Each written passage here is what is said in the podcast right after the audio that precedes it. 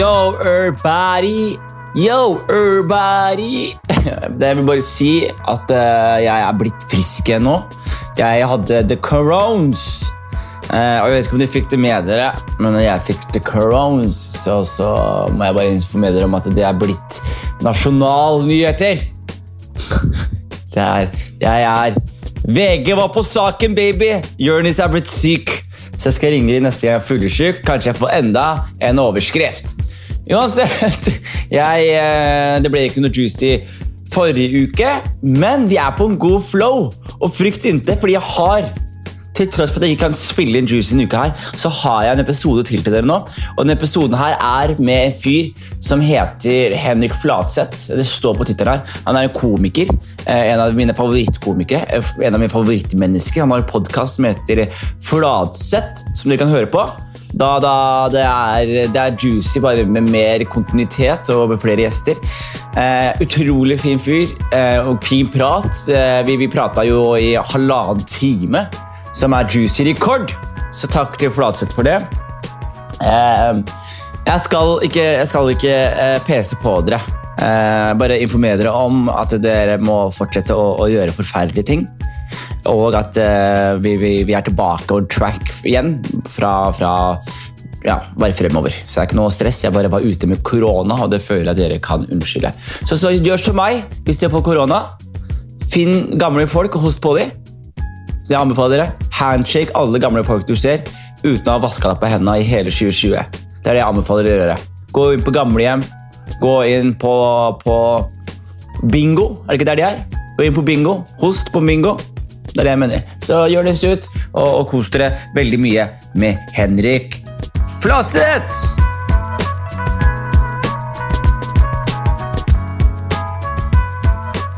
Da var vi her. Henrik Flatseth, velkommen. Er vi i gang? Fy faen, rett på. Du, det er bare, bare rett på. Der var vi her igjen, da, Jonis. Det, Det er var- ikke lenge siden vi satt her og preika. Er ikke det? Og det som er så gøy nå, er at det, vi måtte bytte plass. Ja, jeg sa at eh, Fordi jeg pleier å ha podkast her selv, så jeg kunne ikke sitte i den stolen jeg vanligvis har, for da begynner jeg å ta styringa. Sjåføren sitter i sjåførsetet, passasjeren i passasjersetet. Det som er spesielt med den Juicy-skuta her, er at det er ingen sjåfør.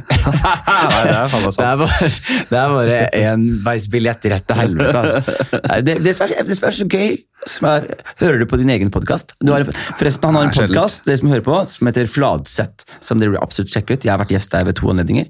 Veldig veldig gøy og alltid hyggelig. Det er to fantastiske episoder. Og som jeg har fått veldig mye gode tilbakemeldinger på. De med, de med deg. Eh, jeg hører sjelden på det. Jeg hører litt sånn gjennom. Bare sånn dra, spole litt gjennom. Syns du det er irriterende å høre på deg sjøl? Nei, ikke det hele tatt. Men jeg husker akkurat hva vi snakket om. Så jeg ser, ser, ikke, gjør jeg ser ikke vitsen. Nei, ikke sant? Jeg røyker litt for mye cannabis. Ja, det det er- jeg. det det du gjør. jeg kan høre Så, så tenker jeg sånn Jøss, der var du god, Jonis! Men samtidig, så er det som irriterer meg mest Så du får like mye ut av det når du hører det på nytt? Ja. Men det, men det verste er at eh, jeg innser også mine egne feil som menneske og som podkaster. Ja. Sånn, fordi jeg er veldig sånn kritisk når jeg hører på andres podkast. Og, og den samme kritikken blir med meg inn i min egen. Så jeg, ah, så er sånn, Hvorfor har du så ADHD? Ja, ja. Hvorfor, hvorfor snakker du så fort? Hvorfor snakker du i, i munnen på folk du har invitert? Ikke sant? Så Det er sånne småting som det som man eh, eh, prøver å bli bedre på. Det er som du sier, Mm. når blir en, god- når blir en podkast god? Eh, det, 20-30-40 år, kanskje. Eh, Jeg har jo en 70 års perspektiv på min egen podkast. Den skal ikke være god før om en, ja, siden 40 år. da. Ja. Og så skal jeg gjøre den siste podkasten den dagen, 16. mai, den dagen jeg blir 100 år. Ja. Og da skal det komme Stjernegalleriet gjester tilbake. Som, den, Dave- som David Lettermans siste late night. Da kommer det folk tilbake, og så blir det en fest av en podkast. Men eh, nei, den skal holde på i 100 år, så det, det, jeg sier at den er ikke spesielt god. Eller den er ganske grei, men den er ikke i nærheten av så god som den skal bli. Nei, Vennene mine dør for den allerede, så det, det syns jeg er veldig bra. Veldig hyggelig. Og du vet vennene mine dør for når de eh, snakker om den. de snakker ikke om min podkast. De sier bare 'fy han vennen'! Fy faen, han leverer! Jeg vet hvilke venner du er. Det er hei, Philip og Martin. Det er de du snakker om. og Isak og Philip og Martin. Ja, det er de egentlig jeg snakker om. Det Altså. er veldig hyggelig. Altså. Ja. Jeg koser meg med podcast. Det er fett med podkast. Bare sitte og snakke piss. Ja, er det. Jeg elsker det. Så hvordan går det mer? Og du gjør jo ikke din egen booking engang lenger. Jeg har ikke snakka med deg om å komme hit. Jeg har snakka med bookingsjefen din. Ja, men jeg syns booking, jeg bookingen er det verste. Altså, Jeg har jo prøvd, altså, jeg hadde et jævlig bra momentum på podkasten. Fikk masse bra tall, lyttere. Og så plutselig bare klarte jeg ikke mer, fordi jeg måtte liksom miste én booking, og så plutselig så går det ikke en uke der, og så plutselig så Du har mye å gjøre da om dagen. Ja, Det men ikke bare det, men også bare at det er, det er litt sånn der, det er litt jeg synes, jeg synes akkurat, altså Det å sitte her og prate med folk, det er det beste jeg kan gjøre. Mm. Men det å koordinere når vi skal prate, det er noe av det verste jeg kan gjøre. Ja, men Kanskje du trenger en som hjelper deg med booking. da. Ja. Kanskje det er en bra ting. Så det jeg begynte å gjøre at jeg har en sånn gruppechat med hun, hun, eh, som Silje som jobber her på Moderne, Mm. og uh, Felix som legger det ut. Og så sender jeg de uh, bare legger jeg et navn og et nummer inn der. Og så kontakter de vedkommende, og så setter de over for meg. Ja, ja, ja, Helt er fantastisk, selvfølgelig. Så men Hvordan er det hun booka deg i forhold til meg? Eh, på vegne av meg? Nei, det er jo, Jeg jobber jo mye på huset her og har min egen podkast her og flere andre ting. Så, men jeg, det er hun som hadde kontakt med meg hele veien. ja. Jeg, men, sa jo at hei, du jeg klarte jo faen meg å dobbeltbooke sist du skulle gjøre det. Nei, jeg dobbeltbooka ikke. Nei, jeg måtte du- avbooke. Ja, du, fordi du, du måtte gjøre noe annet. Ja, eller jeg måtte gjøre noe som strakk seg litt lenger ut enn jeg trodde. Ja, så Så- Da, da var det hun som tok tak i det. Og på vegne av Jørnis så må jeg beklage, men Jonis er i et viktig møte nå! Hva faen? Ja, men jeg var det. Ta opp telefonen og ring meg, da, for men jeg jeg gjør ikke det lenger. det er- er, det, én en ting, det en ting jeg har lært av uh, min nye venn eh, Altså, uh, ikke kjendiseri, men mitt nye, min nye liv, så er det at jo mindre jeg kommuniserer direkte med mennesker, jo bedre går det for meg. Okay. Jo, jo mer jeg kommuniserer med folk, jo mer roter jeg det til. Så, ja, men du, du, trenger, en, du trenger assistenter. Hvis jeg ringer deg, Henrik, så er det ikke noe jobb. Da ringer jeg deg fordi jeg vil henge. Ja, ja. Men Hvis andre ringer på vegne av meg, så er det jobb. Da vet jeg det. Men du, finner, du, du, du, du finner ikke noe ære for eksempel, i å klare å fikse og ringe opp og unnskylde deg for at du fucka opp? da? Nei, absolutt ikke. ja, men hvordan går det med deg? Det går fint, ass. Nå er det du som er gjest her. Ja, du, Takk for det. Det er deilig å være gjest. bare. ass. Jeg var gjest i uh, Bastiansen sin podkast for noen dager siden. Hva prater du om da? Eh, Forhold. Ja, for han, for han går inn i sånne spesifikke ting. han. La oss snakke om noe annet. heter den. Da snakker man om noe annet enn standup og alt det man snakker om til vanlig. Ja. Uh, så Det er egentlig et ganske bra konsept. Men jeg, jeg babler jo vei, så, det, så jeg snakka om alt mulig annet før jeg kom dit. da. Hvordan går det med ditt forhold? Uh, bra. Da og Oda har det kjempe... Det, Vi har vært sammen i mange år nå. jeg er veldig glad i Oda. Ja, Oda er en veldig bra dame. Mm. Og hun setter pris på deg òg. Så har vi leilighet og en liten hund og fullt kjør der, så det er, øh, veldig greit, egentlig. Nei, Litt, litt sånn, litt, man, det, Forhold er jo litt, øh, litt mer boring enn man på mange måter var, har vært vant til fra man var yngre. da. Mm. Og da bare kjørte på, og det var øh, masse, masse møtte masse sjuke folk, og man var ute og lagde faenskap, men nå er det litt sånn roligere former. Det merker jeg litt på. Jeg hadde sånn- Mindre stories. Jeg hadde sånn prat med dama mi om det i går. Ja. Fordi jeg bare sånn, Det var veldig merkelig, men det var en veldig sånn sår, sår samtale. fordi jeg har, det, jeg har det aldri hatt bedre enn jeg har et forhold. Mm. Ikke sant? Men samtidig så er det sånn derre Du, du ofrer jo bort liksom den derre den galskapen. Ja. Den idiotien. ikke sant? Og, og, og når jeg sier ofre bort, så er det ikke sånn derre eh, jeg skulle heller ha gjort det, men jeg vet at jeg kan ikke gjøre det og gjøre det, så jeg må ta et valg på hva som er viktigst for meg. Ja. Og da er forholdet selvfølgelig viktigst for meg, men, men i det valget så er det sånn der, I går da, for eksempel, så var jeg liksom på prøverøret, og så er det noen komikere, og så tar man øl, og så «Ja, skal vi på nachspiel. Jeg, sånn, jeg kan ikke, fordi det, det er ikke kompatibelt med det livet jeg prøver å leve. Vet du, skjønner? Kompatibelt er ordet du leter etter. Eh, For det første. eh, Kompatibelt. Kompatibelt. Eh, Ja, men det er sant. Og jeg, du har jo vært flink. da. Jeg merker jo at du er liksom eh, Du har ikke lyst, men du er sånn der, eller du later som det er eh, helt riktig nå, og nå, har vi, nå skal vi hjem, og nå, i dag blir det rolig. Blir det Jeg merker at du rister litt i deg. Du, bare, du prøver å holde deg rolig, og bare nei, nå blir det deilig å komme seg hjem. Jeg må se litt på, på CV-serier. Siste Nytt på Nytt og taco. Nei, men det, det er ikke Man må bare venne seg litt til at det kan være fint, det òg, da. Ja. Du, har jo, du, har jo, du er jo hyper, ikke sant? Men det er litt digg. Jeg syns det er digg å være hjemme og slappe av og ikke gjøre noe så, så mye. På nytt og ta det helt med ro. Ja, men jeg koser meg med sånne ting. Og, Ja, men det- men det kan bli litt sånn eh, Med tanke på standup så kan det bli litt eh, Jeg har bare tenkt litt på at eh, Og det trenger ikke nødvendigvis ha, ha noe med forhold å gjøre. Det har noe med at man blir eldre. At opplever ikke like mye sjuke ting. Det går lenger og lenger for hver gang. da. Ja. Og det kan også ha litt med korona å gjøre. også. At jeg bare er, har de tankene nå fordi at det har vært så stille. Det har ikke skjedd en dritt det siste året, føles det som. Selv om det bare er et halvt år øh, nå. her, her er greia som jeg har tenkt på også, er litt det samme. at eh, Det å på en måte leve et eh, jeg, kaller det et normalt liv, jeg, kontra standup-livet. ok? Eh, Det å leve et normalt liv eh, gjør at man på en måte man eh, går litt glipp av den galskapen. Og så har jeg alltid tenkt på sånn, ah, men eh, Som standup-komiker er det viktig for meg å ha masse opplevelser. Men så har jeg også tenkt liksom, hvor ofte snakker jeg om disse sinnssyke opplevelsene? da? Det er ikke sånn at jeg står på scenen og sånn, wow, det som skjedde? Altså Jeg har noen historier som er sinnssyke, og, og på podkaster så har det alltid verdi. ikke sant? Ja, Men på, på standup-scenen så er det liksom, begrensa hvor mye av mine Altså Jeg tror ikke jeg har fortalt den 5% av de sykeste tingene jeg har opplevd. engang. Nei, men Det er jo din skyld. Det er jo, de tingene der blir ofte, Det er jo lettere å gjøre det bra.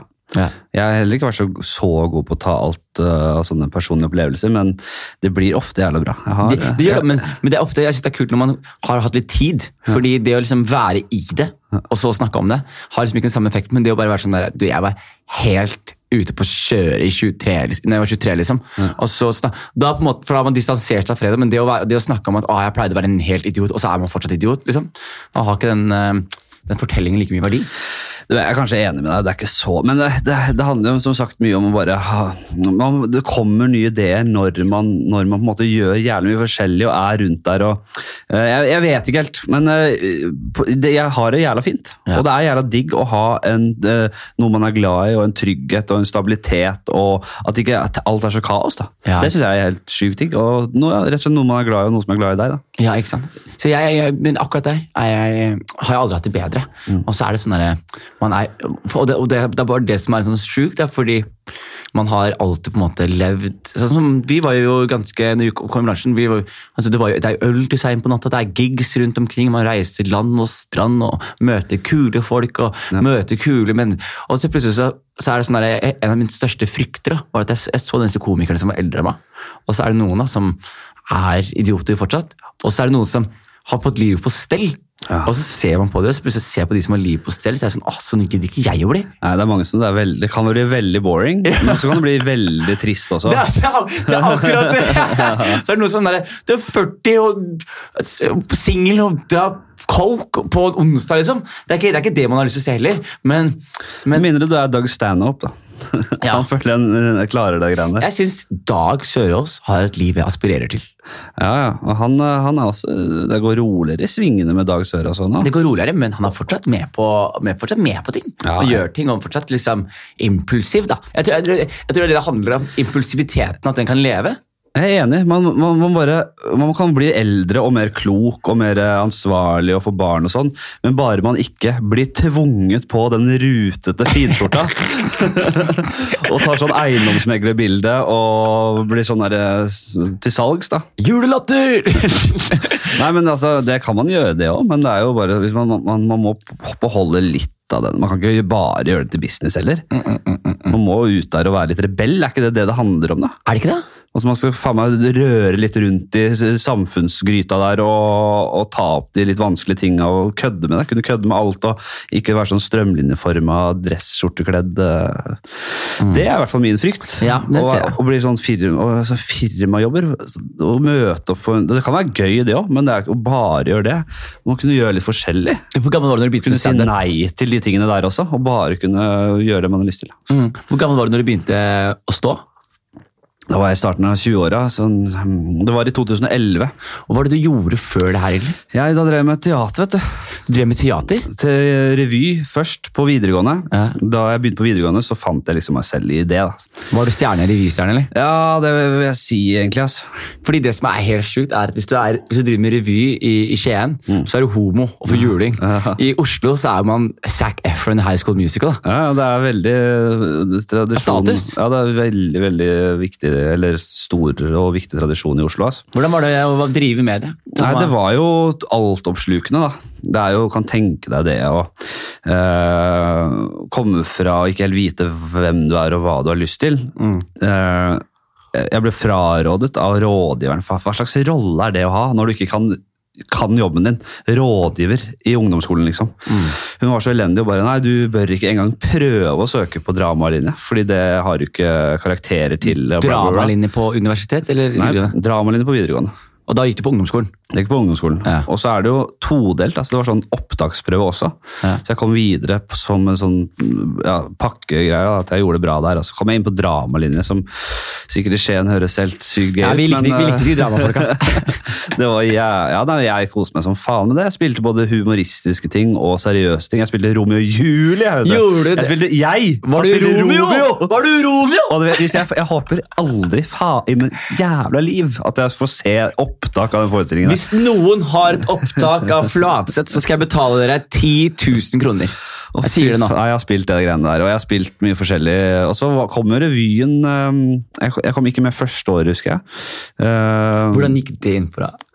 Nei, det gikk greit, eh, men jeg var litt skuffa. Men da var det så flinke folk. Det var Cecilie Steinmann Næss og Ja. Cess eh, var der, eh, Sebastian Brynestad og den gjengen der. Så det, så det som er litt gøy, er at du, du altså Jeg kom inn i humormiljøet da jeg var 22, mens du har jo på en måte De folkene som er i bransjen nå, er jo folk du virkelig har vokst opp med. på mange måter. ja, men de var jo et par år eldre enn meg, da. Men jeg husker, og jeg ble jo kjent med de senere. Men, eh, eh, og de, eh, jeg, jeg kom inn andre, på revyen andre året, og det er sånn, da er det sånn le, I aulaen og så leser de opp noen navn, og du er nobody, og så får du det navnet altså, du, du, du føler du blir noe litt mer. Da. Er det seremoni, liksom? Nei, det er Alle samles der, og det er mange som har søkt, og det er bare et par stykker som blir kalt inn. Og jeg, jeg skulle ønske jeg klarer å huske den følelsen det var, men jeg, ting er litt sånn blurry for meg. Men jeg husker det, det må ha vært jævla stort, og så kom jeg med Kjørte du sånn der Venner av ja! meg. Eller bare var det sånn? Nei, Da var det ordentlig trøkk, tror jeg. Og så var det inn der, og så var det jo bare å lage humor, og du fikk en instruktør på Manglerud. ikke sant? Da jeg gikk, så fikk vi inn en eldre instruktør. Heljar Berge. En gammel traver fra Sandefjord. Satte opp masse revyer der, og jeg syntes han var dritfunny. Ja. Veldig sånn Monty Python-inspirert. Han er sånn spiss, jævla spiss hake, hestehale, flippskjegg, og jeg, jeg, jeg, jeg var ordentlig rabagass. da. Og vi kødda masse, han var jævla flink, og han uh, lærte meg så mye om altså, han, ja, det var jævla gøy, egentlig. ass. Vi lagde bare humor. Kødda. Uh, hadde den premieren, husker det var helt sinnssykt uh, opplevelse når du aldri har hatt det før. ikke sant? Få folk til å le der. og Nei, Da var jeg helt solgt. Husker du første gang du sto på en scene og fikk liksom latter? Ja, det var noe sånn ungdomsskole, juleavslutning-greier, husker jeg. Eh, Det var også kødda og røra med en kompis der, og det var jo selvfølgelig helt eh, enormt uprofesjonelt opplegg. Ja. Men det var jo noe som Den derre å gå opp og kødde og få latter og, ikke, og drite seg litt ut, jeg har aldri vært redd for det. altså. Nei, for en av de, en av de liksom, tingene som jeg synes er så fascinerende med standup, er at hvis man ser tilbake på starten av karrieren sin, så er, er det som, man blir så flau over mye av det man som, eh, gikk inn og leverte. Liksom. Man blir sånn, åh, tenk sa. Mm. Så, mens du, liksom, du var jo enda yngre enn meg igjen og hadde kanskje enda mindre selvkritikk. da. Ja, Eh. det, Jeg snakka med en kompis som, eh, fra revytiden om dette, at det, vi var helt skamløse på å stjele sketsjer. Vi, det, var jo, det var en del sketsjer som bare var Jeg husker han ene Han klarte å skvise gjennom en sketsj som var rett ut fra Anchorman. Den derre han Will Ferrell han eh, løper rundt og er grider, og så skal han ha noe for han, er- tørst, og så har han bare melk, og det er alt han har. Why did I choose milk? For det var en varm dag, og øh, det var bare det. Og det ble en hel sketsj, og det var bare direkte. Det var det, den scenen fra Anchorman. Uh, og det var noen sånne greier som det, og man gjorde sånne parodier og ting som har blitt gjort hundre ganger før, og uh, man lever veldig i en sånn boble. Så Mm. man uh, Det var litt Ja, det er så, men man slipper unna, man slipper unna med det. Man slipper det. unna med Ja, det. man skal slippe unna med det. Det er jo kjipt å bare Man er 16 år og leker seg litt med humorform, så er det sånn Plagiat! Så er det sånn, det er bare øver meg fram her. Jeg husker jeg hadde en skikkelig sånn klassisk karakter som var jævla populær i den revyen. Ja. Eller begge revyene, egentlig. Det var en, som, en, en gammel, avdanka TV-kokk som het Tormod. Og så var sketsjen sånn Er Tor det basert på en ekte person? Nei, dette var jo bare sånn klassisk revykarakter. Ja, okay. Som jeg, Med litt sånn hes stemme og ja, ja, ja. Sånn TV-kokk. Sånn Nervestad-greier. og Ja. eh, Hvis det sier deg noe. Og så var det bare Han sto der og hadde sånn TV-kjøkken og kødda og, og, og roasta band og roasta publikum og var helt uh, idiot. Og jeg husker egentlig ikke hva det var engang, ja, men det, det har man sett hundre ganger før. ikke sant? Ja. Så var det en annen sketsj husker jeg, som, var, eh, som også jeg synes var jævlig gøy, men det var også veldig veldig, veldig inspirert av en sketsj med Harald Eia, der Harald Eia spiller sånn språkforsker. Der han, uh, han, tar, han bare sitter bare og kødder egentlig, og finner opp på en måte nye altså Engelsk språkforsker. At du kan si liksom uh, Jeg har ikke noen eksempler, men det ender alltid med 'fuck your grandmother in your fucking cunt'. Det det er noe sånn, eh, Han finner en måte altså det, Han legitimerer de tingene med sånn, å være en litt smart fyr. da. Ja. Så han har noen uh, Det var veldig dårlig forklart, men da, jeg, inspirert av det, så lagde jeg en sånn at jeg var sånn uh, ekspert på emor. Så hadde jeg en sånn emo, klassisk emo med hele pakka der. Så var det sånne sitater hele tida, og det var ofte sånn, litt sånn inspirert av det. Eh, Så det, det var mye sånt, da. Men også en del sånn originale greier sikkert, da, som man aldri har sett før. Nei. Eh, Så det var en liten blanding, da, og man prøvde seg fram, og man bare utforska og var helt fri og skamløs da, Mm. på den tida. Det var en jævla kul tid. Hva slags familie er det du kommer fra? Helt eh, vanlig, eller sånn middelklasse hus på Bekkelaget. Vanlig, sier jeg. Ja, for der, jeg kommer fra Helt normalt lite hus på Bekkelaget. Nei, jeg kom inn, så det er jo sånn villa, sånn helt sånn middelklasse.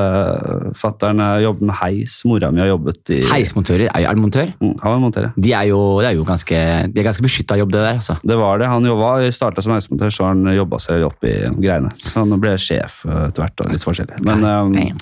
jobba, jobba seg opp. Uh, Hardtarbeidende kar. Uh, og mamma jobbet med forskjellig, masse forskjellige greier. Kult. Ja. Kult. Også, og, hvordan- digitale. og hva, tenkte, det- ja. hva, tenkte de når du begynte, når du liksom gønna på? Var det alltid håpa de at du skulle ta noe akademisk utdanning, eller?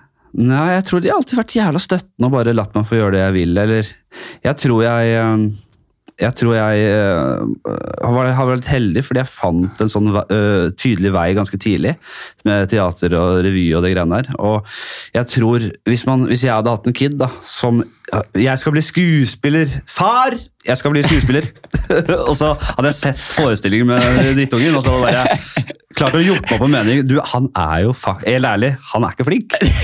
Han, ha, han er jo ikke noe særlig flink, men jeg var Jeg tr- mener at jeg var veldig flink. da. Ja, ikke sant? Eh, og talentfull, så jeg, jeg tror de skjønte at det, Og jeg visste at han eh, sønnen vår han er, ikke, han er ikke noe multitalent. Nei. Han er ikke noe handyman, han er ikke noe skolelys, han er ikke noe, han er ikke, altså, han er ikke noen fotballspiller, liksom. Nei. Men det er han god på, og det var eh, et mål jeg satt meg tidlig, og jeg tror de har støtta meg veldig. Men det har jo, går jo alltid opp og ned. eh, og i, i de verste tidene så har det vært mye sånn, eller sånn Det er lurt å ha en utdannelse i bakhånd! Det er lurt å ha en utdannelse i bakhånd! Bare nevner det, liksom. Eh, og det ser, innser jeg nå, at det er lurt å ha en utdannelse i bakhånd. Det er ikke sånn at det, og det å ta en utdannelse hindrer deg fra å gjøre morsomme ting. Nei. Det kan bare gi deg mer eh, bagasje, mer i sekken. da. Mm. Nei, men jeg, jeg er helt enig. Men var du, var du populær når du var ung? eller? Hva, øh, nei, hva definerer det, da? Det jeg definerer er liksom, fordi vi, vi er jo ikke eh, de peneste menneskene i verden. Jeg sier vi, bare for å være solidarisk her. Ja. Eh, eh, men det som er greia, er jo at eh, jeg skjønte tidlig at liksom, det å være morsom kompenserte for det. da. Ja, helt klart. Eh, så jeg merka at liksom, ok, men da, jeg er ikke den sterkeste gutten, men jeg klarer å, jeg klarer å prate for meg, jeg klarer å få damene til det. Så, så det, var min, det var min muskel, liksom. Ja. Eh, hvordan var det med deg? Nei, jeg var ikke, det var Dame var ikke det, beste, det jeg var flinkest på. Men jeg var ikke, jeg tror ikke sånn, i hvert fall i, sånn jeg var ganske, eller veldig ung, sånn barneskolen, så tror jeg ikke jeg var så ille heller. Altså. Nei. Da visste jeg faen ikke en dritt. Jeg hadde ikke krutt i posen, vet du. Nei.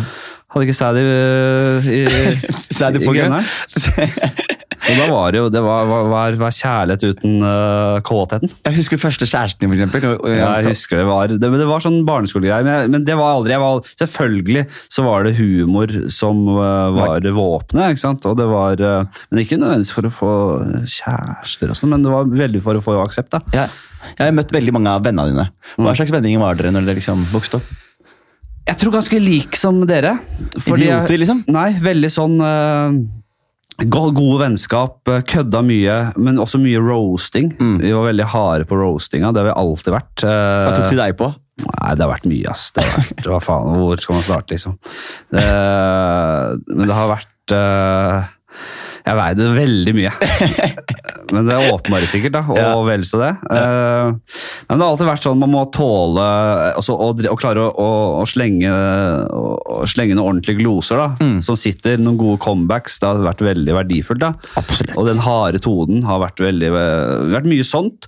Og så har vi samtidig også Vi har vært veldig sånn I hvert fall en sånn ungdom, når vi begynte på ungdomsskolen og ble sånn niende, tiende, så husker jeg vi var veldig filosofiske, veldig sånn utoverrettet mot universet og de store, store spørsmålene.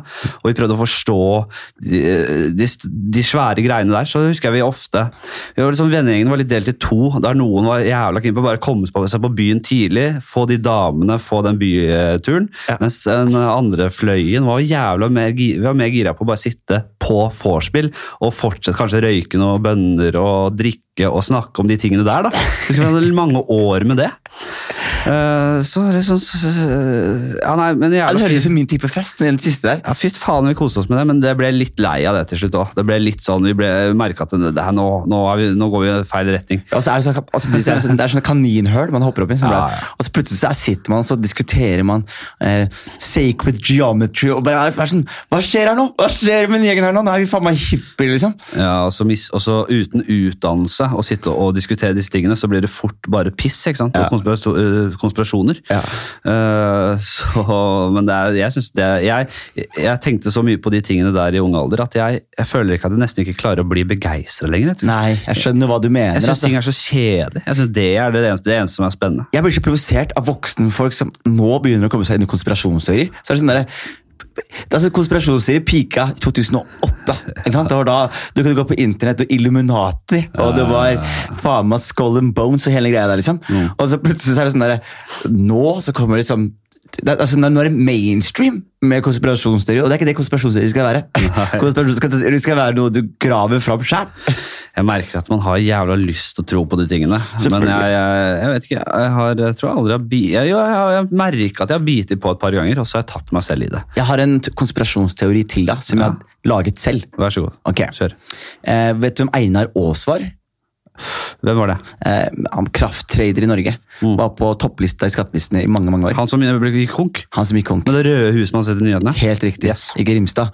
Og han har ikke gjort noen intervjuer siden 90-tallet, eh, men hadde også inntekter på over en milliard kroner Ja. i flere år. Ja. Og så jobba jeg i finans, og så prøvde jeg å skjønne hvordan det her skjedde. Så jeg sa, Nei, han er krafttrader, var det de sa. Ja. Og så hva betyr det? Liksom? Nei, Han spekulerer i strømpriser. da. Ja. Så han, han eh, liksom kjøper strøm når det er billig, og selger når det er høyt. Og holder på sånn. Og så tenkte jeg nei, fortsatt sinnssykt å bare tjene milliarder på det. Altså, enten så har du hacka systemet, eller så liksom veit du noe ikke andre veit. Så jeg satte meg litt inn i det.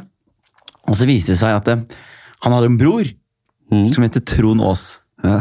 Og vet du Trond Aas jobba med i den samme perioden? Nei. Han var sjef for Statskraft. ja, ikke sant? Ja.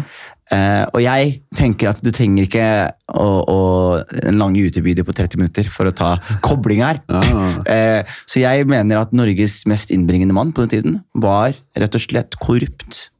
ja, det kan være korrupsjon, eller så kan det bare være at man er litt, eh, rett og slett litt smarte og jobber, og jobber helt på kant med loven. ikke sant? Jeg, eh, man ser på, jeg, jeg lurer på Sånn som Donald Trump, som har så mange interesser rundt omkring, og så får han den innsikten han får nå. Og Det er ett eksempel, men bare tatt et eksempel fra Norge. da, Han eh, tidligere olje- og energiministeren eh, Ola Borten Moe Ja. Enorme interesser innenfor olje, olje Han har, eh, har stor business der. Hva slags innsikt får ikke han ved å være olje- og energiminister? Ja. Og det er selvfølgelig, Han har ikke gjort noe ulovlig, men det er gråsoner. Selvfølgelig. Og Ja, ikke sant? Så, så Det er samme som han som ble sjef nå for oljefondet. Eller ja, han som, st- og ja, Tangen. ja, og, ja. er- og, da, og, han er, og så er det bare sånn, du må jo selge interessen i det. Det er veldig gøy med han Tangen, fordi jeg håper altså han, han har gjort så jævla god jobb for å virke som en jovial, nedpå type. Kom, men det, det, det tippa over for meg da han kom med den derre vind-elskuteren og hjelm, og han visste at kameraene sto utenfor der. Og han, Jeg tror han kjørte den dyreste bilen halvveis til jobb, og så bare stopp, jeg kan ikke komme i den her. Jeg må komme, på, jeg må komme mer jovialt inn der. Og så kunne han ikke vel sånn, tatt den dyreste elsykkelrennet, i hvert fall. da. Han måtte komme på Det var hakket før han kom på Lime, da. Ja. Nei, Og jeg, og jeg, jeg, bare, jeg skjønte ikke det, På starten så skjønte jeg ikke den saken i det hele tatt. Jeg var sånn ja, ja, skal han bli, Det er fint, det. Men så plutselig er det sånn at Man vil ikke selge interessen i olje før han skal bli olje. Så er det sånn, Men det må du jo selvfølgelig gjøre! Du kan jo ikke være olje, altså du kan ikke være olje, være oljefondsjef og ha liksom posisjoner i altså, Det går jo ikke an. Nei, det det, det det endte med var at han solgte seg ut, og det var 10 milliarder, og det var helt voldsomt. Men det er ikke så nødvendigvis så mye uh, med 10 milliarder med den Tenk jeg, jeg tror kanskje han har lyst til å gjøre den jobben, at det er interessant, og du gjør landet tjeneste, og selv om han ikke har bodd i Norge på dritmange år, så kan det hende at han bare Penger er ikke så jævla viktig. Det er noen som er rike, som har de verdiene der. Ja. Uh, jeg kjenner meg igjen i å, å klare å jeg, For meg er ikke penger så viktig. Jeg vil heller kunne gjøre noe meningsfullt enn å være, ha mest mulig penger. Ja. Men allike, det kan også hende at han tar den jobben her og har lyst til å gjøre det, men samtidig skjønner at han kommer, kommer tilbake til businessen sin med, med, som Han var Gandalf the Grey og blir Gandalf the White. Da. Ja, ja, ja. ja, ja. ja det, jeg synes det er helt amazing. Og så er det sånn der, eh, For eksempel så hadde vi i USA så var han med presidenten Jimmy Carter. Han eide jo en peanøtt sånn Familien hans var jo sånn peanøtt eh, hadde en peanøttfarm. Og den gikk i generasjoner. Når han skulle bli president, så måtte han selge denne peanøttfarmen for at det ikke skulle være uh, interessekonflikt. og, så, og det er sånn familiebedrift over flere generasjoner. Ja, ja. Og så ser man nå at folk gjør Trump har, har et sånt altså, du, altså, det, er ikke, det, altså, det er ikke noe tvil om at han er i lomma på russerne. Altså, hele verden vet det. Og så er det bare sånn der, jeg synes det er bare er så 2020 har vært så sykt overraskende år for meg. Jeg vet ikke hvor man skal starte når det kommer til Trump, ja, men det er, det er selvfølgelig Det er litt sinnssykt at han igjen, men nå, nå mest sannsynlig i to Han kommer til å bli valgt inn i to perioder, fordi motstanderen er så Senil. jævlig ræva. For da Liksom. er det ikke, for da, jeg skjønner ikke hvorfor ikke Bernie Sanders får lov til å altså, Han hadde grusa han. Ja, det, nei, jeg vet da faen, jeg. Jeg tror ikke det. Fordi det, jeg, Jo, de, er- fleste der borte er helt hjernevaska. Ja, men grunnen er fordi at Bernie Sanders gjør, eh, er ikke for Wall Street og den der, eh, de milliardærene. Og Problemet med Joe Biden er at han er, selv om han er demokrat, så har han ikke interesse av å skatte disse milliardærene. Og det er de som styrer landet. Ja, Hvem styrer landet? Det er milliardærene, Mm. det er kapitalistene. Hva er det verste kapitalister vet? Skatt. Sosialisme, kommunisme, Mm. det greiene der. Så man har klart å øh, gjøre altså sosialisme, alt som har med det å gjøre, har man klart å, å stemple som eh, kommunisme, stalinisme, leninisme. Mm. Det verste de veit, ikke sant? Så det går ikke an for en som Bernie Sanders å få med seg folket, fordi det er så jævla Jeg, ja. jeg, jeg tror at Trump vinner eh, valget uansett, og hvis han ikke vinner valget, så tror jeg det blir borgerkrig. Ja, men det, det, er, det, kommer, det hadde kommet uansett, tror jeg. Og jeg tror Borgerkrig? Ja, borgerkrig, men i hvert fall at man må prøve å dele altså det, er jo, det er jo et svært splittet land, hvis man kan kalle det det. Det er jo, det er jo på en måte Du har jo hele liksom spekteret, da. Hele greia. Så hvor, hvordan går det an å bli enig når du er så fundamentalt enig? Går det ikke an å bare dele inn i litt forskjellige land? da? Ja, ja, men de, de, de burde hatt Sør-USA og Nord-USA, samme som Confederation. Altså, sør rep- republikanerne for sør, og så får vet demokratene nord. En ting jeg syns er spennende, er at det, eh, nå har man så jævla tilgang på all informasjon. Eh, men de gikk til borgerkrig. Det var på en måte Hvis jeg har forstått det riktig, jeg er ikke noen ekspert, men så, så marsjerte eh, den ene delen mot det slaveimperiet der nede. Ja, sørstatene. Så de hadde, men, men med så lite informasjon. De hadde bare Ryktene hadde kommet, ja, og det kom folk og fortalte at det, det er mye slaver der nede. Og så til slutt så bare Nå har det kommet mye rykter. Nå, vi må nesten bare tro på det. Vi marsjerer og ser hva faen som skjer. Og nå, har nå vet man, man vet, nå, vet, nå, nå har man tilgang på så jævlig mye mer informasjon, men man Ja. vet fortsatt nesten mindre. Man vet ingenting. Jeg, jeg, jeg, jeg, tror altså, den, ver den verden altså, Her er det sjukt hva verden vi lever i. Altså, jeg, derfor jeg synes det er så kjedelig, fordi jeg er tidligere konspirasjonsteoretiker, og nå er det ikke kult lenger. Sånn som Bill Gates. da, ikke sant? Bill, hva er det Bill Gates gjør? Han er en milliardær, og så har man etterspurt at disse milliardærene må gjøre mer for samfunnet. ikke sant? Hva er det han gjør? Han, er, han har blitt kvitt masse sykdommer i USA, eller i Afrika. Polio? Eh, polio, Han blir kvitt polio. Han har laget et toalett som er ganske moderne, som, skal, som omgjør bæsj til vann. Mm. Ja, ja, ja. Så du skal få vann! Ja, ja. Og så snakker han om at han advarer folk mot pandemien, og korona kommer. Og hva er det som skjer? Jo, det kommer konspirasjonsserier om at det er Bill Gates som har laga alt. Og så sitter Bezos på si ved siden av med dobbelt så mye penger og bare Hvis, ikke- altså, hvis reptiler styrer verden, så har de gjort en jævla dårlig jobb med å skjule han Jeff Bezos. Uh, fordi han, han Ja, men jeg tror, jeg tror, de, jeg tror de tenker at han kommer ikke til å bli noen prominent uh, Han kommer ikke til å styre en dritt. Vi trenger ikke å legge så mye jobb i han. Ja. Og så var han en oddsbombe og ble verdens rikeste mann. Om, Men han skulle, de skulle tatt, uh, og nå er det for seint. Nå er det sånn han ser ut. Han, er, ser ut som, han ser ut som en evil øgle. og, og det som er helt sjukt med Jeff Bezos her er helt sjukt med Jeff Bezos. Jeg satt og så på sånn visualisering av hvor mye penger han har. Og når du ser den visualiseringen, liksom, så er det sånn der, altså, det, altså, det går ikke an å se for seg hvor mye penger han har. Altså, han har mer enn mange land slått sammen. Han bæsjer på det, liksom. Og så er det sånn der, på ett punkt altså, er det sånn, Jeg skjønner kapitalisme, men hva skal du med så mye penger? Altså, og jeg sier det som en fyr, jeg elsker penger. Ikke sant? Men altså, hva skal Altså, du betaler ansatte hos deg drittlønn!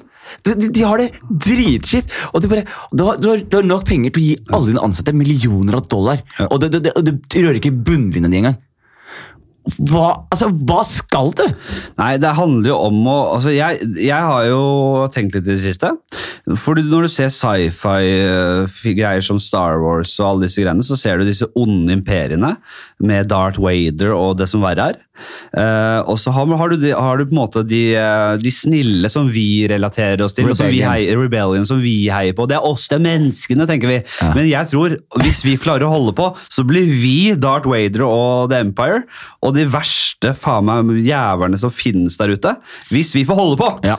Det er faen meg der vi går! Ja. Med Jeff Bezos som nå klarer å få ungdoms... Altså, eh, han finner eh, kuren for å leve oh. evig, og han, om en million år så er han, han, sånn- han derre Tror du han forsker på det akkurat nå? Keiseren, eller hva faen det er, heter han derre villeste av de? Sjefen til Adrian. Hva? Det husker jeg ikke engang. Han er så, er sånn ordentlig scary, og som bare er et hologram, og som er helt Ja, det, eh, faen, det husker jeg ikke. Faen, altså. Det er en bra referanse. ja. Det er Bezos. Men tror du Bezos bruker pengene sine nå på evig liv? Selvfølgelig. Og, og, altså, hvis du har alle pengene i verden, så kan du jo, og, og den teknologien kan bli tilgjengelig, så hvorfor ikke, liksom? Men, men tror du den blir tilgjengelig? Hvis den fins? Jeg har satt meg litt inn, eller jeg har i hvert fall hørt på gjennom Jeg, jeg, ble, jeg fikk vite om han gjennom Rogan-podkasten. Han eh, David Sinclair han forsker på age reverse technology. Og de har kommet ganske langt når det kommer til eh, det å reversere celledød, da, som gjør at vi dør og eldes. Eh, jeg tror eh, man i hvert fall ikke skal utelukke det, fordi se på alt vi har trodd var umulig, som vi har klart. Eh, vi har på en måte mast om den ungdomskilden i alle år, og det, det er det vi helst vil, er jo å kunne leve evig eller lengre. Det det vi, vår største frykt er jo å dø. Så det at man har på en måte eh, mast om det der i alle år, det er ikke rart, men nå har man faktisk, gjør man enorme gjennombrudd. Og det tyder på at kanskje det, det som er kjipt, er at hvis vi er den siste generasjonen, du og meg, som ikke har mulighet til å få dette her. Ja. Hvis vi, men eh, igjen, det handler om penger. Ja. Altså Alt som skjer innenfor bioteknologi, robotikk eh, og denne gen... eh, CRISPR-greier og alt det der. Det handler om penger, og vi kommer til å se enorme klasseskiller. Der du får de rikeste kommer til å kunne leve i 500 år, eller mer enn det. eh, Og, og, og de kommer til å få seg robotkropper, og de kan bare genmanipulere dritten ut av seg, og barna sine. Mens de fattige kommer til å bare Alle gir faen, ikke sant. Hadde du, hvis du fikk presentert eh, Ja, det her er ikke en konspirasjon engang. Nei, men Hvis du fikk en pille foran deg nå, Hvis du fikk en pille foran deg nå, og de sier til deg hvis du tar en pille her, så lever du evig. Hadde du tatt den? Nei, ja, hvis, hvis jeg, det forutsetter at jeg kan gjøre det slutt. Da, Du kan, du kan ikke gjøre det slutt. Nei, da ville jeg selvfølgelig aldri gjort det, nei. Nei? Jeg, min verste mareritt er evigheten. Ja. Og det, og det, og det, skulle, det skulle være leve evig, det er det aller siste jeg kunne tenkt meg. Mm. Men hvis jeg kunne levd si 700 år, og så finne ut at nå, nå er jeg drittlei, Ja. nå vil jeg heller bare ha det svart som natta. Takk for meg, hopper utafor den gigantiske borgen min. som strekker seg fra meg opp til, uh, opp til stjernen, liksom. Ja. Uh, Men, det, men, det, men her, her, det som er greia med milliardærer, er jo det er jo det er jo, det er jo ikke, det er jo, eh, det er immoralsk, eller, det er jo umoralsk å være en milliardær. ikke sant? Fordi du ser til og med i Norge, da, så ser du topp fem vi har i Norge. Altså, Olav Thon han har jo eh, vært kriminell som faen. Han drev jo med, okay. eh, han drev jo med, han brente jo ned bygninger, freda bygg, for å bygge Thon-bygg og sånt. Og det han også gjorde som er jævlig gøy, som ikke folk vet, er at når Olav Thon var i budrunder, så sendte han en eh, så sendte han, gir en bud da, men så hadde de også masse andre faksmaskiner, og da sendte de på en måte faks til de som, eh, og så trakk de seg på vegne av konkurrentene sine. Vi trekker oss fra budrunden. Ja, ja, ja. Så han fikk masse sånne bygninger til bæsjepris. ja, ja, klart han har vært sleip. Han har vært det. Du ser Kjell Inge Røkke, han var jo i fengsel. Han Ja. Han endte jo opp med en, en fyr jeg kjenner sona i samme fengsel som Kjell Inge Røkke. når Han satt der. Og han sa at når Kjell Inge, Inge Røkke forlot fengselet, så hadde han kjøpt kebab til alle som satt i fengselet. Og TV-er og store TV-er i venterommet. For han syntes de var så ålreite. Fredriksen, sto, store stygge øyeblikket, han, han, han, han er gangster. Altså, du ser på fyren at han er jo superkriminell. Og du ser da at topplista i Norge er jo Altså, Det er jo umoralsk å være milliardær. Hørte rykter om at under jappetida på 80-tallet så satt Jon Fredriksen, da han fortsatt var i Norge og fortsatt var litt ung og up and coming, så satt han på de Han satt og drakk på de fineste steder og hadde sånn derre skikkelig sånn Den, du vet, den latteren, den derre rikmanns... Ja. og banka i bordet og, og brautende kar. Jeg, jeg, jeg vet, jeg Ja, men det er sant, men han, her er også det er sant. Det er, det er, altså, jeg har hørt masse historier han i bransjen. Han hadde. For eksempel, han pleide å gå på byen i tiden der, så hadde han k- en k- Rolex for damer. Så holdt den i hånda, så var det sånn der, så sa han bare til damene hvis du blir med hjem i dag, så får du den her. Og så på et punkt så var det sånn at Hvis du var en dame på Solli plass med Rolex på hånda, så visste alle at du hadde ligget med Fredriksen. Uff, ja. Og så var det også et businessmøte som er det mest notoriske på Bølgen og Moi, hvor han visstnok i møtet sitter midt i forretningsmøtet og ha-ha-ha, gjør sånn som du sier. Og så kommer det opp en hore fra under bordet som har sugd han under møtet. Jeg er ikke overraska i det hele tatt. Ikke det hele tatt! Helvete. Helvete, altså. Jeg er overraska at det ikke var flere under der. Men jappetida, hva, hva er jappetida? Det er uh, en enorm oppgangstid i norsk økonomi. Er det da olja liksom begynner å boome, liksom? Mm, ja, Det er da man virkelig får uh, se på de ringvirkningene av det, og der det virkelig blomstrer. Ja. Og så var Willoch var eh, statsminister, og så kom det en eh, Hva heter det? Du som har jobba i resesjon? Ja, en Der det virkelig, korreksjon. Ja, der det går nedover igjen, og der det blir litt vanskelig. Mm. Så det er vel eh, Jeg tror det var egentlig en sånn Jeg er ikke helt sikker, nesten, men jeg tror det var en sånn egentlig Ikke bare i Norge, egentlig, men en sånn derre global, eller i hvert fall Ja, europeisk oppgang. Mm. Jeg, jeg holder lytterne med selskap. Jeg skal pisse i to, to sekunder. Ja, skal jeg selskap. Ja, vi får se, da. Okay. Jeg eh, tror vi bare kli, klipper, ass. Så får meg en liten pause. Vi klipper, vi! Der! Der er vi tilbake. Der, vet du. Jeg har jo bare sittet her og drukket vann og kaffe. vet du. Ja, men jeg så det var litt sånn satt Ja, men jeg satt sånn, så var jeg bare sånn, jeg kan ikke holde på sånn, jeg må bare få det ut av uh... Det er viktig å bare få gå og pisse. Det er ikke verre enn å ta seg en pause. For lytterne har det ikke skjedd en dritt. Nei, det har ikke det. Uh, Så det, vi var jo i jappetida. Uh, Og jeg syns at det er Fordi vi har liksom ikke hatt eh, vår jappetid i vår levetid. I voksen, i hvert fall voksen Ja, alder. vi har ikke hatt det ræva heller, altså. Vi, altså, du, vi har det fint, misforstå meg ikke. Vi har bare blitt rikere og rikere. Vi har det, men, men det som irriterer meg bitte litt, er sånn Nå er det sånn derre altså, jeg, altså, jeg har det fint, jeg skal ikke klage i det hele tatt, men sånn som eh, hvis vi, hvis vi hadde gjort det vi gjør nå, da, hadde vi gjort det på 90-tallet, så hadde det vært sånn eh, helt annet nivå på ting. Det hadde vært et annet nivå, men det som var på 90-tallet, var helt, altså Standup i Norge var helt ferskt i starten av 90-tallet. Folk henta poser med penger. Ja, det var, Man fikk penger i hånda, ja. Ja. Men det, det fikk jeg var med på aller siste det? runde med cash i hånda. Oh. Uh, det var, og det, var, det er rått, altså. Er det ikke da, det? da går det bare på byen og bruker opp. Altså. Ja, ja, ja, første jobben jeg fikk betalt for, da fikk jeg en konvolutt med 800 kroner. Ja. Og da husker jeg bare sånn derre «Åh, Dette må jeg bruke i kveld. ja. Og var rett og slett å bruke 800 kroner. Men jeg hørte jo Janne Rønningen fortalte meg en historie om at hun gikk på en skattesmell. Ja. Og så sier hun at eh, når hun gikk på skattesmell, så bare ringte hun to kompiser, og så fikk hun de til å komme hjem til henne og skulle liksom lete etter penger. Så brukte de en dag og lette etter penger, da. og så fant de 90 000 kroner til slutt. da. Ja, Som bare lå rundt omkring i, i leiligheten. Faen, det er opplegg. Nei, det var, Jeg har hørt flere som hadde skuffene fulle av cash. ja. Og jeg husker da jeg fikk, eh, sånn helt i starten, fikk, jeg hadde jo annen jobb jobb og, og sånn, men da fikk de casha etter en standup-jobb. Det var øremerka til å dra ut på. Da kunne de andre pengene stå ubrukt, og så var det de man skulle dra ut på. Ja. Og det var noe jævla hyggelig med det greiene der, egentlig.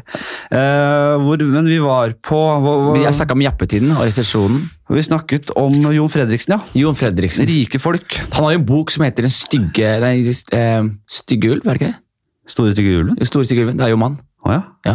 Er det hans bok, eller er det om Nei, det er, det er om han. Noen Ja. som har skrevet en bok oh, ja. om han. Veldig fascinerende. jeg, kan- jeg kan ikke så mye om han. Nei, men det er Men han ser jo ut som en, Men ja, altså, en du- parodi på en rik fyr. da. Det huet der, liksom. Faen? Er Disney-villain? Hvis, hvis, hvis folk hadde huer proporsjonalt med hvor mye penger du hadde, så hadde Fredriksen det er tydelig var Fredriksen her. Se for deg at Fredriksen skulle vært en sånn helt i en film. Det hadde ikke gått. Ja, Det det- hadde, good guy, han har ikke good guy-jeans i det hele tatt. Han er bad guy, ja. Ja, og han har flagga ut alle pengene hans til Kypros. ja, og du vet det når folk ikke, altså Hvis du har så mye milliarder og du har null interesse av å skatte til landet du kommer fra, liksom. Jeg synes det er helt sjukt, jeg. For en jævla quisling. Altså, hvis du har så mye penger, ja. Ja. Så, og, men da er, det jo, er det jo mot på en måte, eh, hele modellen vår, da. Men da syns jeg ikke du skal få lov til å være i landet vårt. Nei, nei, du skal ikke få lov til å ha fritidsbolig her og fly inn. Jeg synes, ok, fuck off, du har flagga ut. Ja. Slipper, vi, vi, tar, vi tar huset ditt, og så lar vi noen asylflyktninger bo Altså Vi bruker det som asylmottak, fordi du er ikke her. Du betaler ikke penger. Nei, eh, jeg er helt enig. Nei, men det er jo det, er det som er konflikten, er jo det at eh, mange vil at de rike skal skatte pissmye penger. Og så er det mange, de, mange rike som vil det, som syns det er en veldig god idé. Og så er det veldig mange som hater denne tanken. Men problemet hvis du på en måte skal ha, hvis alle de rikeste flagger ut, så er det også veldig veldig hardt slag for økonomien vår. Ja. Så det, er, det, er det Høyre er veldig opptatt av. Og, og høyresiden skal ta, må ta vare på de rike, de som skaper arbeidsplasser, de som skaper øh, øh, økonomien vår. Og det er jo viktig. det. Man skulle hatt en nådeløs utflaggingsskatt. Ja, Man skulle hatt litt mer Oi, du, du flagger ut, ja. Ok, fett, Da skatter vi 70 av formuen din, fordi du har bygd den formuen her. Eh, på noe altså Det er helt sjukt hvis du også Se for deg de folka som driver laks. da Sånn som han Witzøe er jo Norges rikeste fyr, er han ikke det? Han er lille Gustav Witzøe.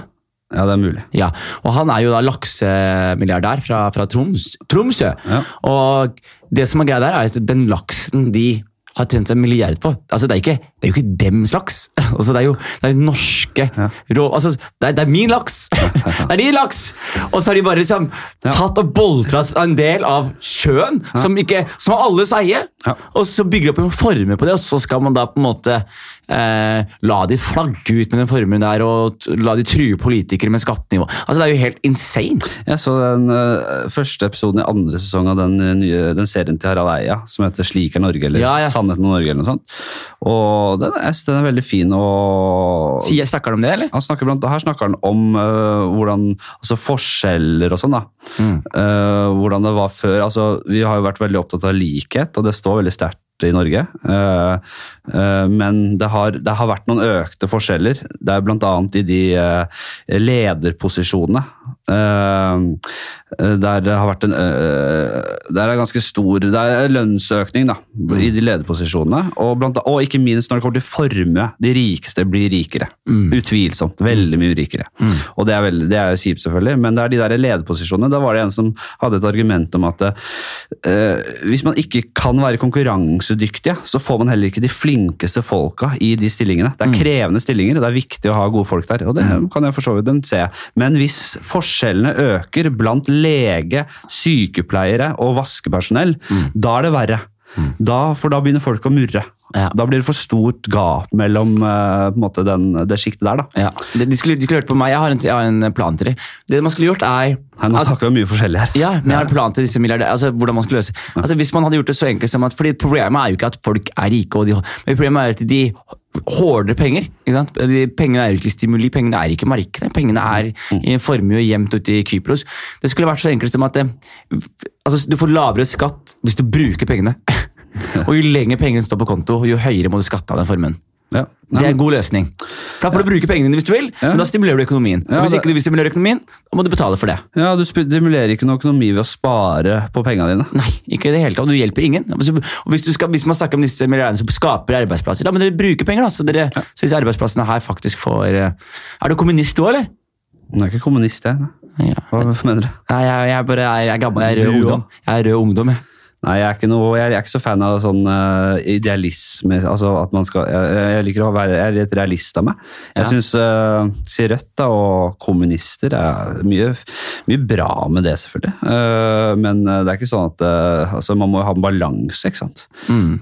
Det, det, hva er det de har i part- de, Nå vil de for så vidt ikke inn i regjering, da, Rødt, men de har vel i partiprogrammet sitt at, de, at man skal, vi skal avskaffe kapitalismen. Eh, der f.eks. Bill Gates er veldig opptatt av å eh, bruke kapitalismen til noe godt.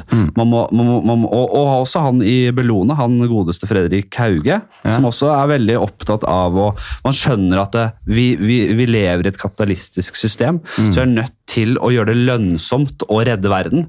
Lønnsomt å gjøre det gode, de gode tinga.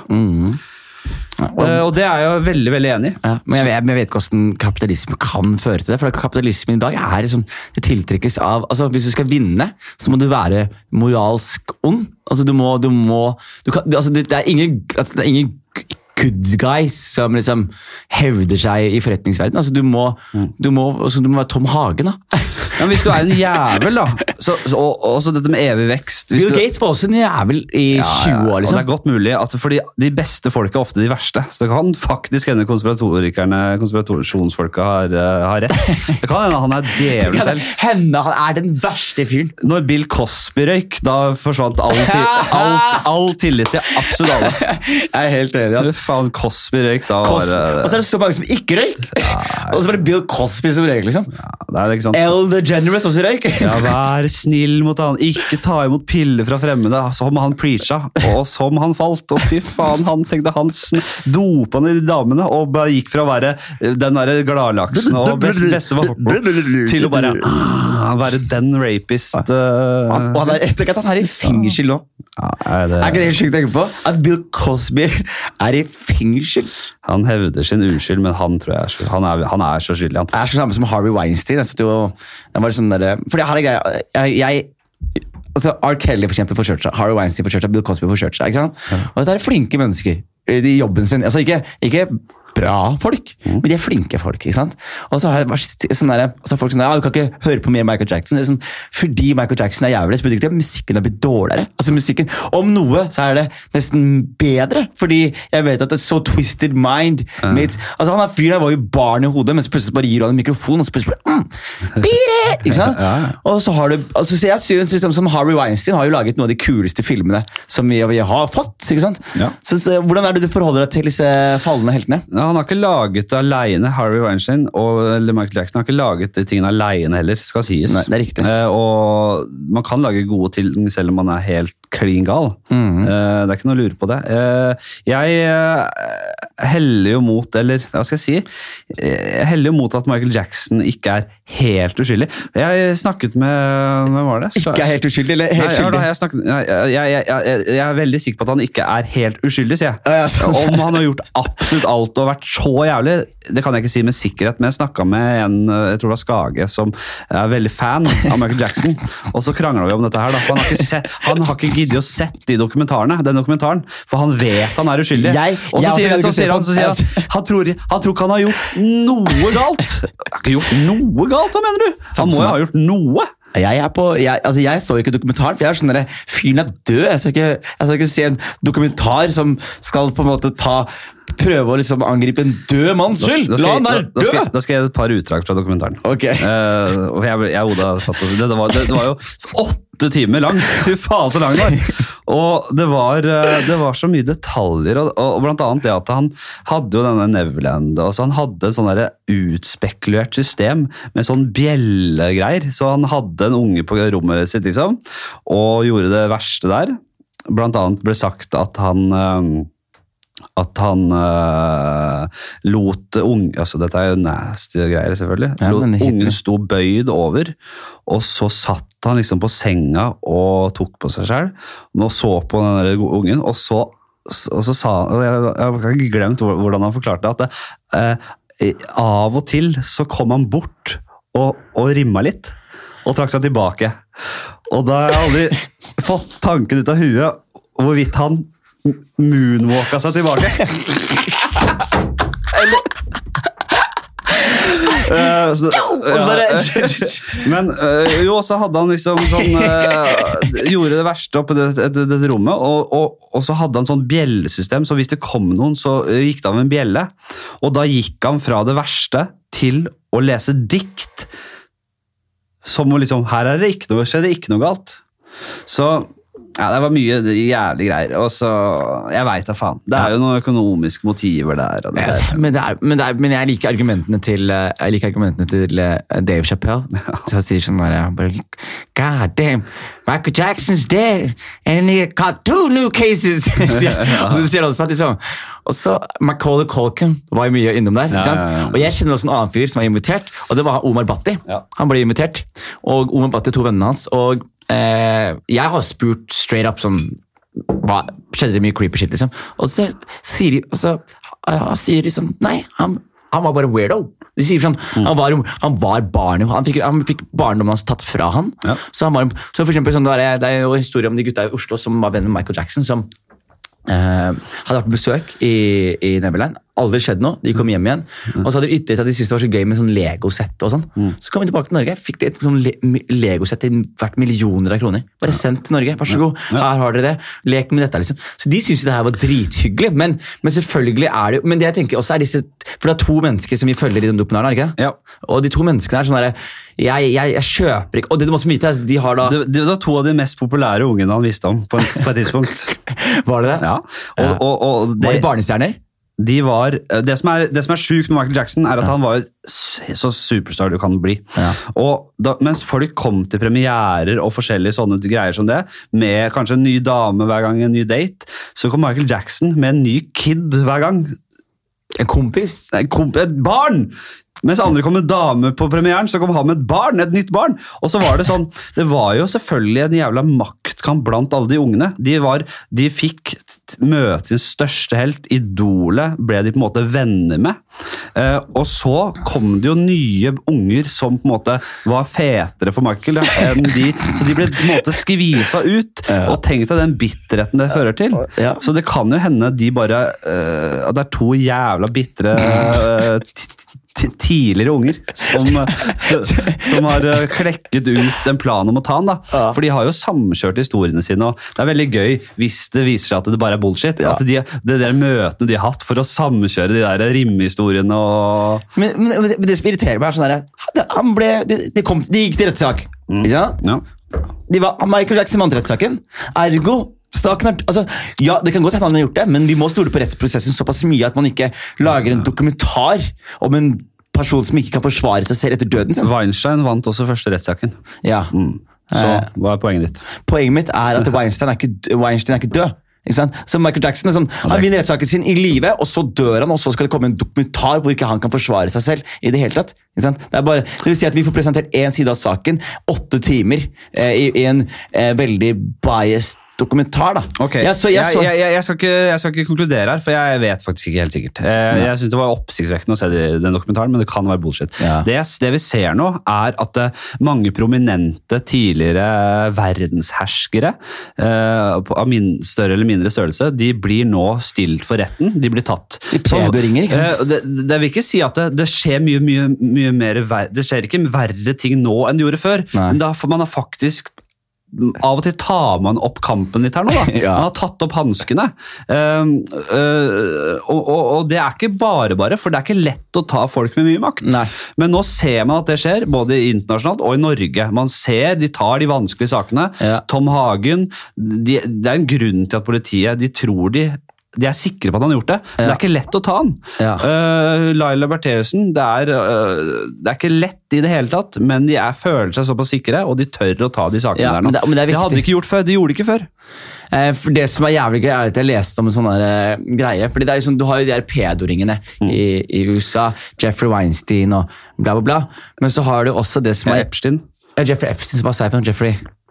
Jeffrey Weinstein. Jeg bare kombinerer alle disse creepsa. Men så er det så gøy, fordi jeg leste sånn der gøy, fordi jeg bare plutselig var på Ellen DeGeneres sin kommentarfelt. Ja. Og så plutselig står det sånn der at de, eh, de kalte det sånn Enzochrome, eller et eller annet sånt. Så, så tenkte jeg, faen, og alle bare sånn Slutt med Enzochrome! Slutt med Enzochrome! Og så er det sånn, hva er det her for noe? Og så er det folk som da har fått det for seg at at disse kjendisene her altså Det er en ekte konspirasjonsteori på internett, hvor disse kjendisene her eh, spiser barn. Ja. Men de spiser ikke barn, men de spiser barn som er redde. Fordi når barn er redde, så er det en sånn kjemikalie i kroppen deres som løser seg ut, som heter enzochrome eller et- eller noe sånt. Ja. Og det gjør at man lever lenger og, og holder seg ung. Så ja, fy faen. og det er sånn der, så jeg synes sånn kommentarfeltet til Elon var bare sånn der, Slutt å spise barn! Sånn, Hva skjer med det, er- verden? det er jo veldig om, uh, utstrakt uh, teori om dette med pedoring med Hillary Clinton og den pizzarestauranten, eller hva faen. Ja. Der de har et sånn kjeller øh, der alle disse folka, Hillary Clinton og gjengen, og Ja. at de driver og voldtar barn i den kjelleren. Ja. Det har vært, øh, det har vært ganske utbredt. Og så var det noen som gikk til restauranten, og så var det ikke noe kjeller der engang. Ikke sant? Men, men det som er spesielt, er jo at eh, det, det, blir mer og mer avdekka. Den der hele Epstein-greia var jo plutselig bare sånn What? Bill Clinton? Eh, Chris Tucker? Liksom, Snille Chris Tucker. Eh, faen meg eh, han derre De hadde Jim Carrey, tror jeg. Eh, det var jævla Donald Trump. Og så, og så, altså, han overrasker meg ikke i det hele tatt. Men så var det sånn der, men, Og Bill Gates. Og så plutselig er det sånn derre Er det et eller annet som Altså, er det, er det et eller annet med makt, da? Barn, liksom? Altså, eh, man vet jo faen ikke lenger, ikke sant? og Nei. de snille er ofte de verste, og, og vice versa. Og nå er det Presidentvalget nå består av eh, Trump, Biden, og på sida der så er faen meg Kanye West eh, meldt seg på. Ja. Og spørsmålet er, eller er han og Enten er han gal, eller så spiller han på lag med Trump for å ta de svarte velgerne fra Biden. Han er, ja, men han, er jo, han er jo gal, men jeg tror også han gjør det. Ja, men det, det, altså, Hva skjer, liksom? Hvordan har det blitt sånn her? Jeg vet ikke, men jeg, men jeg, jeg skal ikke se bort ifra at det blir like ille i Norge. altså. Du ser jo bare det Sian som er sånn, Polariseringen er på Sian er så liten gjeng. Altså, ja, men jeg er- skjønner det, men Polariseringen er i gang i full sving i Norge òg. Det har vært lenge, og- Ja, ja, og den vokser og vokser og vokser. Det blir, altså, det Jo, men man skal ikke være Man blir ofte litt historieløse og tror at det, øh, og, og, og ting blir blåst opp i media. Man Mm. gir Sian veldig mye oppmerksomhet. Det er, det, det, er en gjeng de har, de har ikke økt i antall, faktisk. De blitt, Siden de Nå, jo! jo, Sian spesifikt har det, Ja. men før det så var det jo blodrasister. Det var jo voldelige oppgjør og sånn for sånn mange år siden. Hva heter han lille Nei, hva heter han derre Hermansen? Nei, det var en sånn Det var en jævla gjeng før i tida.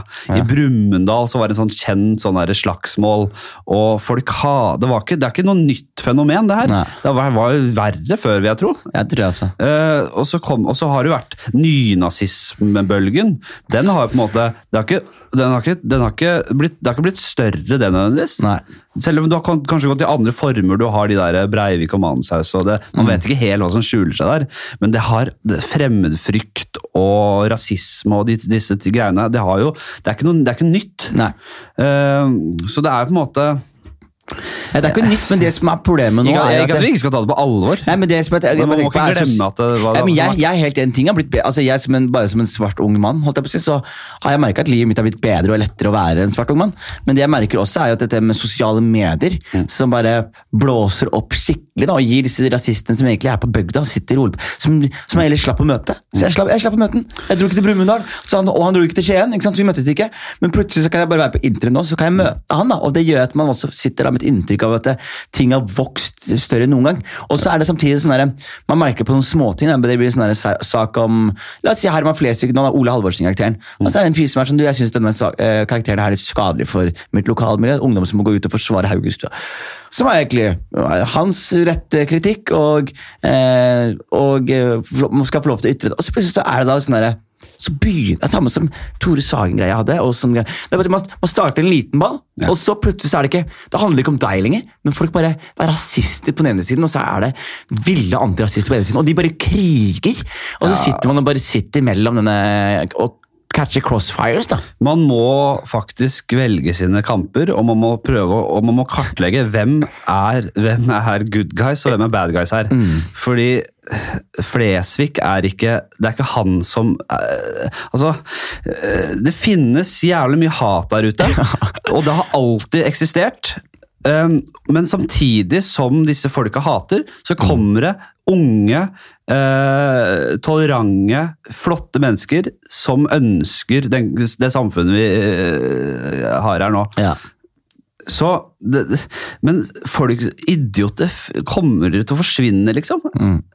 Det gjør jo ikke det. Nei, det gjør det ikke. Det Og, ikke. og, og, og det er veldig tydelig Det er noen som er veldig lette å ta, som er veldig tydelige i sin rasisme og sitt hat. Mm. Og så er det de som på en måte kanskje plumper uti med noe, eller ikke plumper uti engang, men, men på en måte eh, tråkker litt over kanten for å på en måte bare egentlig skape eh, samhold, at man kan kødde med ting, og at man liksom bare Hvorfor skal man jeg, det er- jeg klarer ikke helt å, er- formulere meg ordentlig engang, men jeg bare blir så frustrert av Men det som er greia når ting vokser så voldsomt som det gjør, da, ikke sant? Så som Ola Halvors karakter til Herman, så er det sånn den vokser veldig, veldig, veldig, veldig, så den blir større enn Herman. ikke sant? Karakteren lever sitt eget liv, og så blir det sånn, det er en hitlåt som heter Haugenstua. og, Og så, og så jeg skjønner jo, fordi det som er greia er jo, jeg har brukt et eksempel en del, men du vet Colbert Report-showet, Mm. eh, det var jo en, en program hvor Stephen Colbert var eh, han gjorde parodi på høyresiden ved å være da en eksentrisk republikaner. Mm. Ja. ikke sant? Ja. Og det som det viste seg, var sånn forsk- Programmet er jo dritpopulært i USA. Og så viste det seg etter, etter litt forskning på det her, at det, det programmet her var like populært på venstresiden som det var på høyresiden. Og venstresiden syntes dette her var bra fordi at eh, å ja, han gjør skikkelig gjøn av republikanerne. Mens høyresiden tenker han overdriver, men det er jo sant. Ja, Hvis du skjønner? ja. Så, så, så det som er greia, er sånn til eksempel hvis du Og, Herman- og, og så har du alle idiotene som ikke skjønner satiren i det hele tatt, som bare står og! Ja. Og, men så ser Harman Flesvig sånn, jeg, ikke, altså, jeg har ikke tvil. Jeg, altså, det er ikke, jeg kjenner gutten, han er en god gutt, han har hjertet Ja, på ja. riktig side. Det finnes ikke rasisme i gutten. Men det som er problemet når du har sånn, Ole Halvorsen karakter som vokser og blir så stor, Mm. så, sitt, så har man også et ansvar for å sørge for at den blir forstått riktig. Fordi Ja. Hvis du er fra distriktet og du allerede har rasistiske holdninger, og du ler av Ole Halvorsen, Mm. da ler du av Ole Halvorsen fordi Ole Halvorsen bekrefter at å ja, hvis du er en norsk gutt i Haugenstua, så Mm. er dette her resultatet.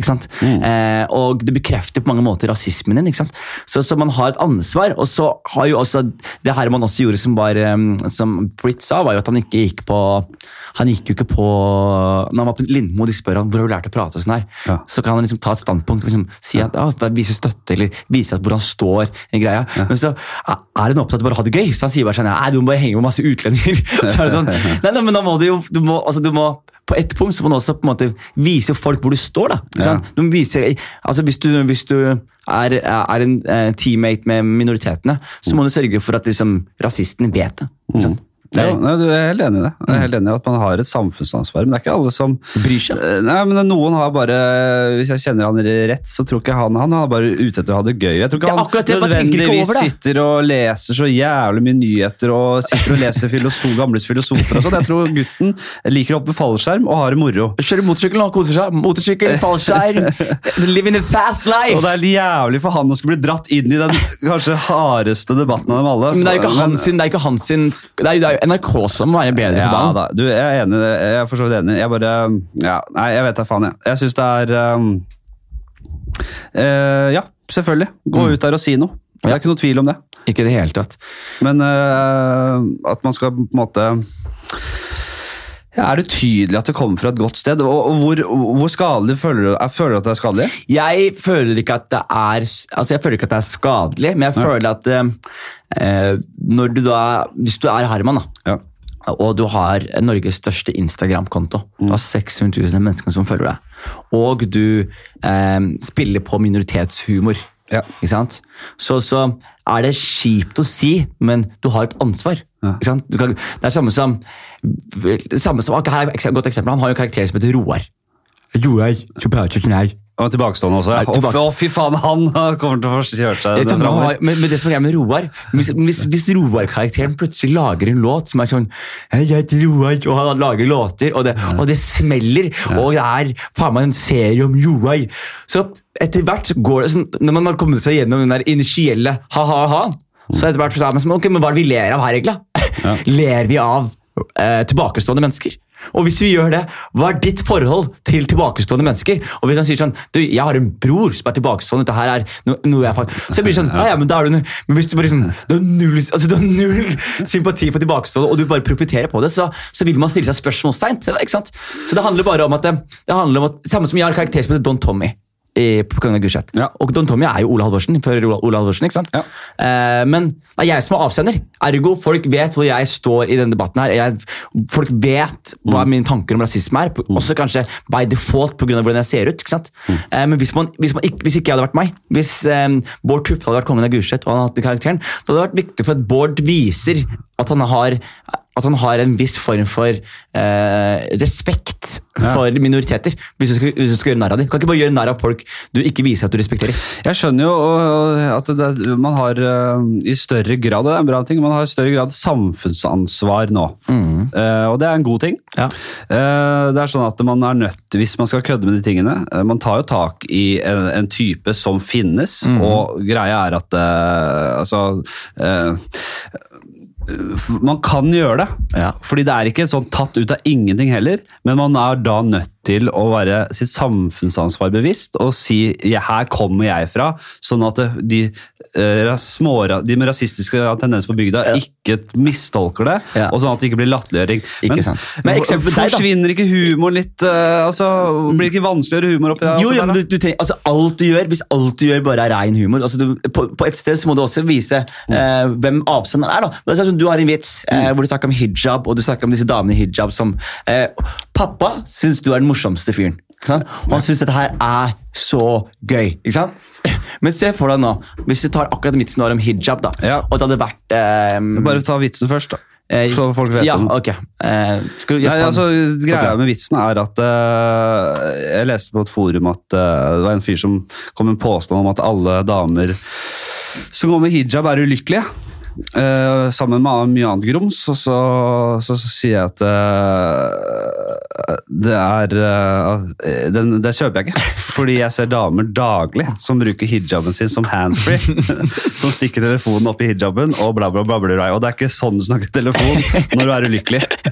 og så drar jeg litt videre på det. da. Og pappa syns det her er så morsomt. Og fordi, Og Det er en godt vektet vits, da. Vet du hvorfor det er godt vekk? Fordi ja. du, i den vitsen her så kommer det fram at du Det, det frem fram hva du mener. Ja, og jeg sier veldig tydelig i starten. Jeg, jeg, først så kødder jeg jo med eh, folk med grumste og øh, høyreekstreme holdninger. Ja. Så jeg tar et veldig tydelig standpunkt i det. og, og Hvis du ikke hadde tatt et standpunkt i her, hvis du bare du hopper over lille standpunktet her, og du sier sånn Mm. Damer i hijab eh, eh, som tar triks fra bassengkanten, eller at de er Ja. ulk... Altså, hvis, du, hvis du ikke hadde tatt den vinklinga, Mm. da hadde det plutselig kanskje smakt bitte litt dårligere. Men fordi du også er Det er veldig tydelig gjennom det her at du er en venn av Altså, du, du, du, du har valgt en side. Altså, Ja, jo, jo, men jo, og, og, og den, er veldig, den er veldig god, den vitsen. Mm. Så, så det at jeg, at jeg er såpass tydelig, det, det, det, det, det ødelegger ikke vitsen på noen Nei. måte. Så den er, veldig, den, er, den er veldig fin sånn sett. Jeg Mm. har også en annen vits som jeg absolutt ikke kan røre nå om dagen, fordi det har skjedd så mye greier. Men der, der tar jeg ikke nødvendigvis noe standpunkt, men jeg sier Jeg kødder veldig I mine øyne så er det litt mer skjult satirisk, men jeg, jeg kødder med at eh, jeg bor på Grønland, og det, er- folk har sine forutinntatte holdninger Ja. mot den bydelen. eh, men jeg sier at eh, jeg eh, kommer ikke til å si, Folk sier å, Grønland er mye vold og utlendinger og sånn. da. Så jeg nei, hva mener du vold og utlendinger? Jeg kommer ikke til å røre dem! Med mindre de vanner ut og pisser på norsk kultur. Da smeller det noe jævlig. Hvis jeg ser en står bak en container og pisser på noe telemarkski, jeg nikker ned. og det er jo veldig klar satire på at eh, mange mener jo at eh, det er sånn, et nettverk av uh, islamister, som Ja. de kaller det. Der alle, på en måte, vil, alle vil inn og ødelegge strukturen i det norske samfunnet og Ja. kulturen. Så det er jo på en måte, uh, setter det på spissen, og den er mye mer rund i kantene, den vitsen, enn det Tore Sagen holdt på med i den spalten Ja. i Radioresepsjonen. Eh, For de som hører på Radioresepsjonen, så nå, nå, vet, nå tråkker jeg midt i noe som jeg, jeg har lyst til å si noe om det. Ja, men si det. Fordi den er jo på en måte Hvis man har hørt på programmet, så har det en flauhetsspalte, dette vet vi. Og der kjører han noe så jævlig på. Han forklarer ikke helt hva han vil engang. Men han drar på med den verste rasismen det går an å, å fremdrive. Og han, gjør, han tar klimasaken samtidig. Men det, er på en måte, det blir ikke så hardt der, da. Og hvis du hører det isolert, så høres det jo helt jævlig ut. Men som en del av en vits der formålet er å kødde med de som har de holdningene, så er det på en måte satire. Og ja vel, hvor hellig er det, hvor, hvor samfunnsnyttig er det? det? det? kan man diskutere, men det er på en måte, det er satire. Ja, og jeg også har altså, tanke, tanke sånn, Jeg mener at ja, jeg har hørt Gode komikere bruker har rasistiske vitser. Og, og, eh, har på liksom ikke, men igjen, det handler, som vi sier, så det handler om ansvar. da, ikke sant? Så Hvis du først skal plumpe uti der og gjøre sånne ting, så, så er det viktig at, man, sånn, at premisset er satt skikkelig. Ja. Og at det er tydelig. At det er tydelig, at det ikke er, opp, at ikke det er liksom så jævlig åpen for tolkning. hvis du først skal liksom, det er samme som Jeg, jeg hadde, jeg hadde, hadde liksom et eksempel til noe jeg sa i går. men jeg sa sånn, Se for deg hvis Herman Flesvig nå har en karakter som heter Slomo. Som har liksom en jødehatt og som er gjerrig med pengene sine. Det hadde ikke funka i det hele tatt! Skjønner du? Det hadde ikke funka i det hele tatt.